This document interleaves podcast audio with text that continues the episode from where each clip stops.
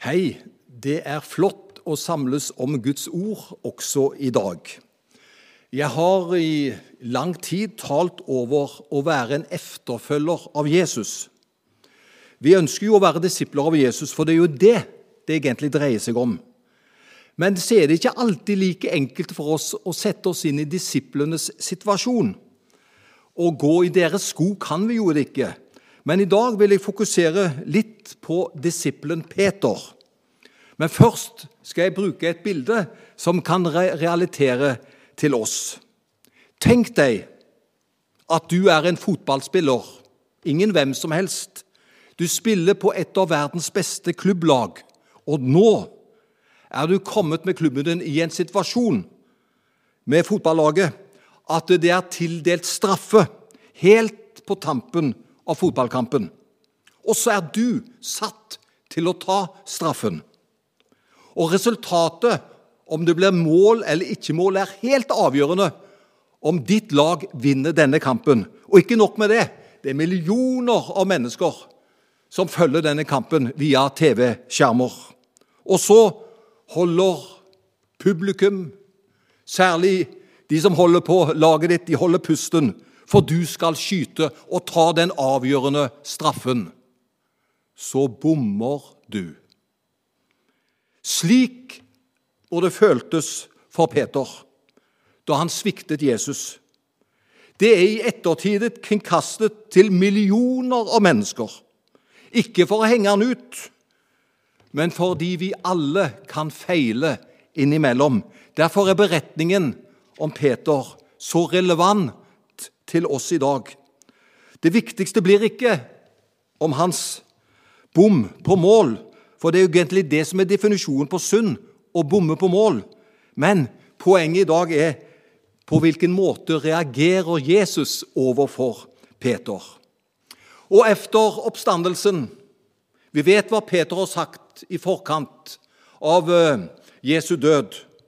Og så i oppstandelsen, når Jesus har stått opp, så sier han i Markus evangeliet i forbindelse med sin oppstandelse, så sier han 'hils til Peter'.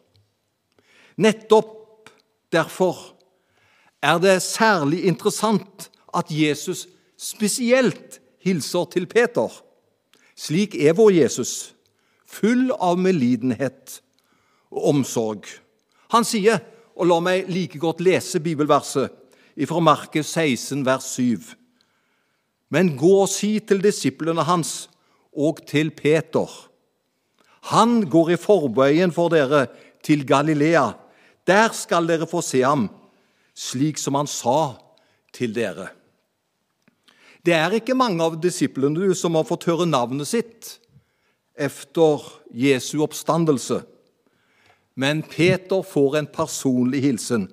Gå og si det til Peter. Tenk hvordan denne hilsen måtte oppmuntret han, da han får høre at han av alle får en personlig hilsen.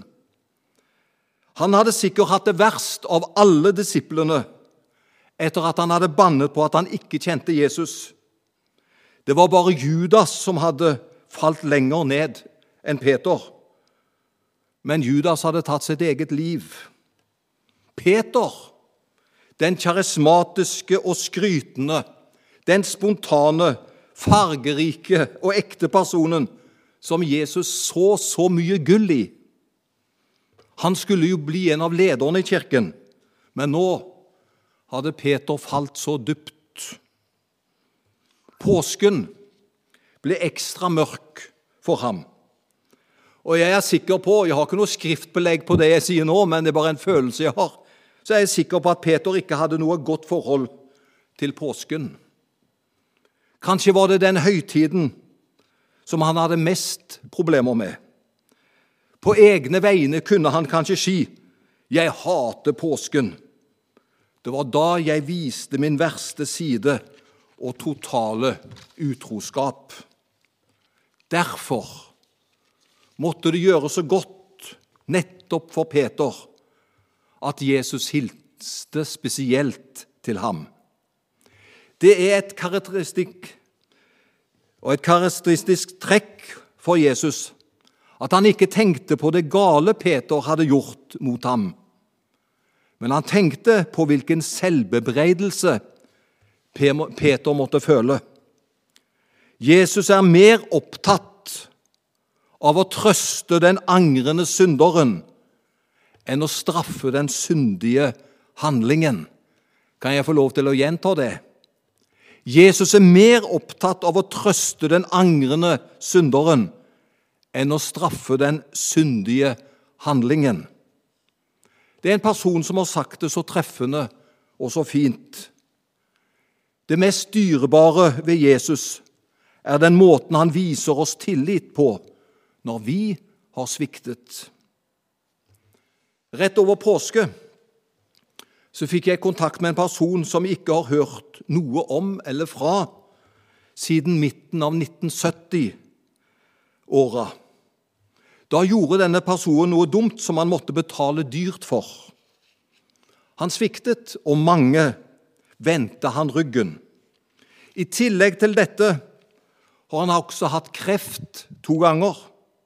Og nå, i disse tider, er han engstelig for koronaen. Da jeg fikk høre om han, så må jeg si jeg fikk så vondt av han. Så jeg kontaktet han og skrev at jeg ville be for han. Og jeg håpet at han kunne få noen gode år i fortsettelsen. Personen fortalte at han hadde opplevd at Jesus aldri hadde forlatt ham, til tross for at han følte at han ikke alltid kunne tro. Og så ble han så takknemlig for kontakten og for forbønn. Hendelser i livet setter spor. For Peter kunne også hans nederlag ha preget hans framtid. Vi kan straffe oss så hardt, men Jesus, som kjenner oss og vet om alle ting, gir oss nye muligheter. Det er det som kalles nåde. Vi møter Peter noen uker senere ved Tiberiasjøen. Han er blitt seg selv igjen efter det dramatiske som skjedde i forkant av påsken. Og så får han høre at Jesus står ved stranden. Og I forkant så har jo Jesus sagt til dem, gå ut på nytt og kast ut garnet på den andre siden, så skal dere få mye fisk. Og de går ut på den personens ord, og vi vet resultatet i Johannes evangelium kapittel 21. De får så mye fisk som de aldri hadde fått. Og Når de nærmer seg land, så ser Peter, og da har han blitt den gode gamle igjen Han har lagt bak seg det som har preget han, kanskje i dager og uker. Men han får se det Jesus, så, så, så står det at han svømmer i land for å møte Jesus. Og der og da viser Jesus halleluja. Han viser at han har tro på Peter. Og her er Peter oppe i den endelige eksamenen. For han får høre tre ganger Simon Peter, elsker du meg mer enn disse? For noen uker siden tok Peter med seg de andre i sin uttalelse. Og hør hva den arrogante Peter da sier. Om så alle andre vender seg bort fra deg, kommer jeg aldri til å gjøre det. Han som var så bråkjekk, sviktet mer enn de andre. Men nå sammenligner han seg ikke med de andre lenger, men, bøy, men nøyer seg med å si, 'Du vet alt. Du vet at jeg har deg kjær.' Tre ganger hadde Peter fornektet Jesus. Nå får han sjansen tre ganger til å bekrefte sin kjærlighet til Jesus. Denne kjærligheten gav Peter en livslang oppgave. Og så får Peter høre av Jesus.: Fø mine lam, fø mine sauer.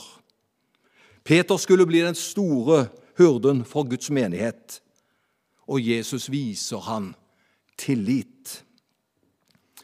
Noen har spekulert i hvorfor det var Peter som fikk kallet til å være hurden for Jesu menighet. Hvorfor ikke Johannes? Noen vil si at Johannes var den store tenkeren. Tenk bare på prologen i Johannes evangelium. Det er jo fantastisk. Andre vil si at det måtte være Paulus som var den store. For han var jo den store teologen, og han dro ut til verdens ender for Kristi skyld. Peter var kanskje ikke den største tenkeren, eller den som fartet omkring som Paulus, men det var han som fikk den store oppgaven å være hyrde for Jesus sauer. Han skulle passe på at ingen skulle gå seg vill. Det må være en viktig oppgave. Peter, han fascinerer meg. Hans sterke og svake sider er så synlige for oss alle. For du, vet, vi andre vi kan jo gjemme bort litt våre svake sider. Eh, vi prøver å kamuflere dem, men Peter han stiller seg fram så tydelig med både sterke og svake sider. Og ingen av disse sidene overrasket vår Herre. Han kjenner oss inn og ut. Og hvem av oss har ikke tatt for hardt i og lovet noen ganger mer enn det vi kunne holde? Kanskje har vi noen ganger vært vel høy på pæra, eller gjort direkte gale ting. Men Jesus elsker oss like fullt. Det er interessant at Jesus sier til Peter Da var han så bråkjekk og sa at han var villig til å gå i døden for ham. Allerede på det tidspunktet sier Jesus til Peter, da Peter var så bråkjekk, 'Jeg har bedt for deg' at din tro ikke må svikte. Men når du en gang vender tilbake, da styrk dine brødre. Jesus så lenger enn til Peters fall. Han visste at Peter ville komme tilbake igjen. Og Det er det som er evangeliet, det er det som er så fantastisk. Det er det som gjør at jeg aldri blir trøtt av å forkynne evangeliet. Jesus ser lenger, eller til akkurat det punktet vi står på i dag. Jesus ser hvordan det kan bli i fortsettelsen. Og Derfor sier han, 'Du kommer til å omvende deg en dag, Peter.' For dette er ikke ditt endelig når du omvender deg. For det trengs noen ganger en omvendelse til. Men så får han høre når du omvender deg, da skal du gå tilbake, og så skal du trøste dine brødre. I dag lyder bibelordet, men gå og si til disiplene hans og til Peter. Han går i forveien for dere til Galilea. Der skal dere få se ham, slik som han sa dere. Vet du hva jeg syns vi skal gjøre nå? La oss takke av hele vårt hjerte. Han som viser også, oss, også oss tillit når vi har sviktet han hadde sagt han ville vise seg for dem, slik som han sa det, og det gjorde han. Og det kan også vi få oppleve. Om vi er troløse, så er han trofast. Han kommer stadig og viser seg for oss. Jesus kan vi stole på. Han ønsker å vise seg for deg uansett hvem du er, og hva du har sagt eller gjort. Ære være Faderen og Sønnen og Den hellige ånd, som var, er, blir en sann Gud fra evighet og til evighet. Amen.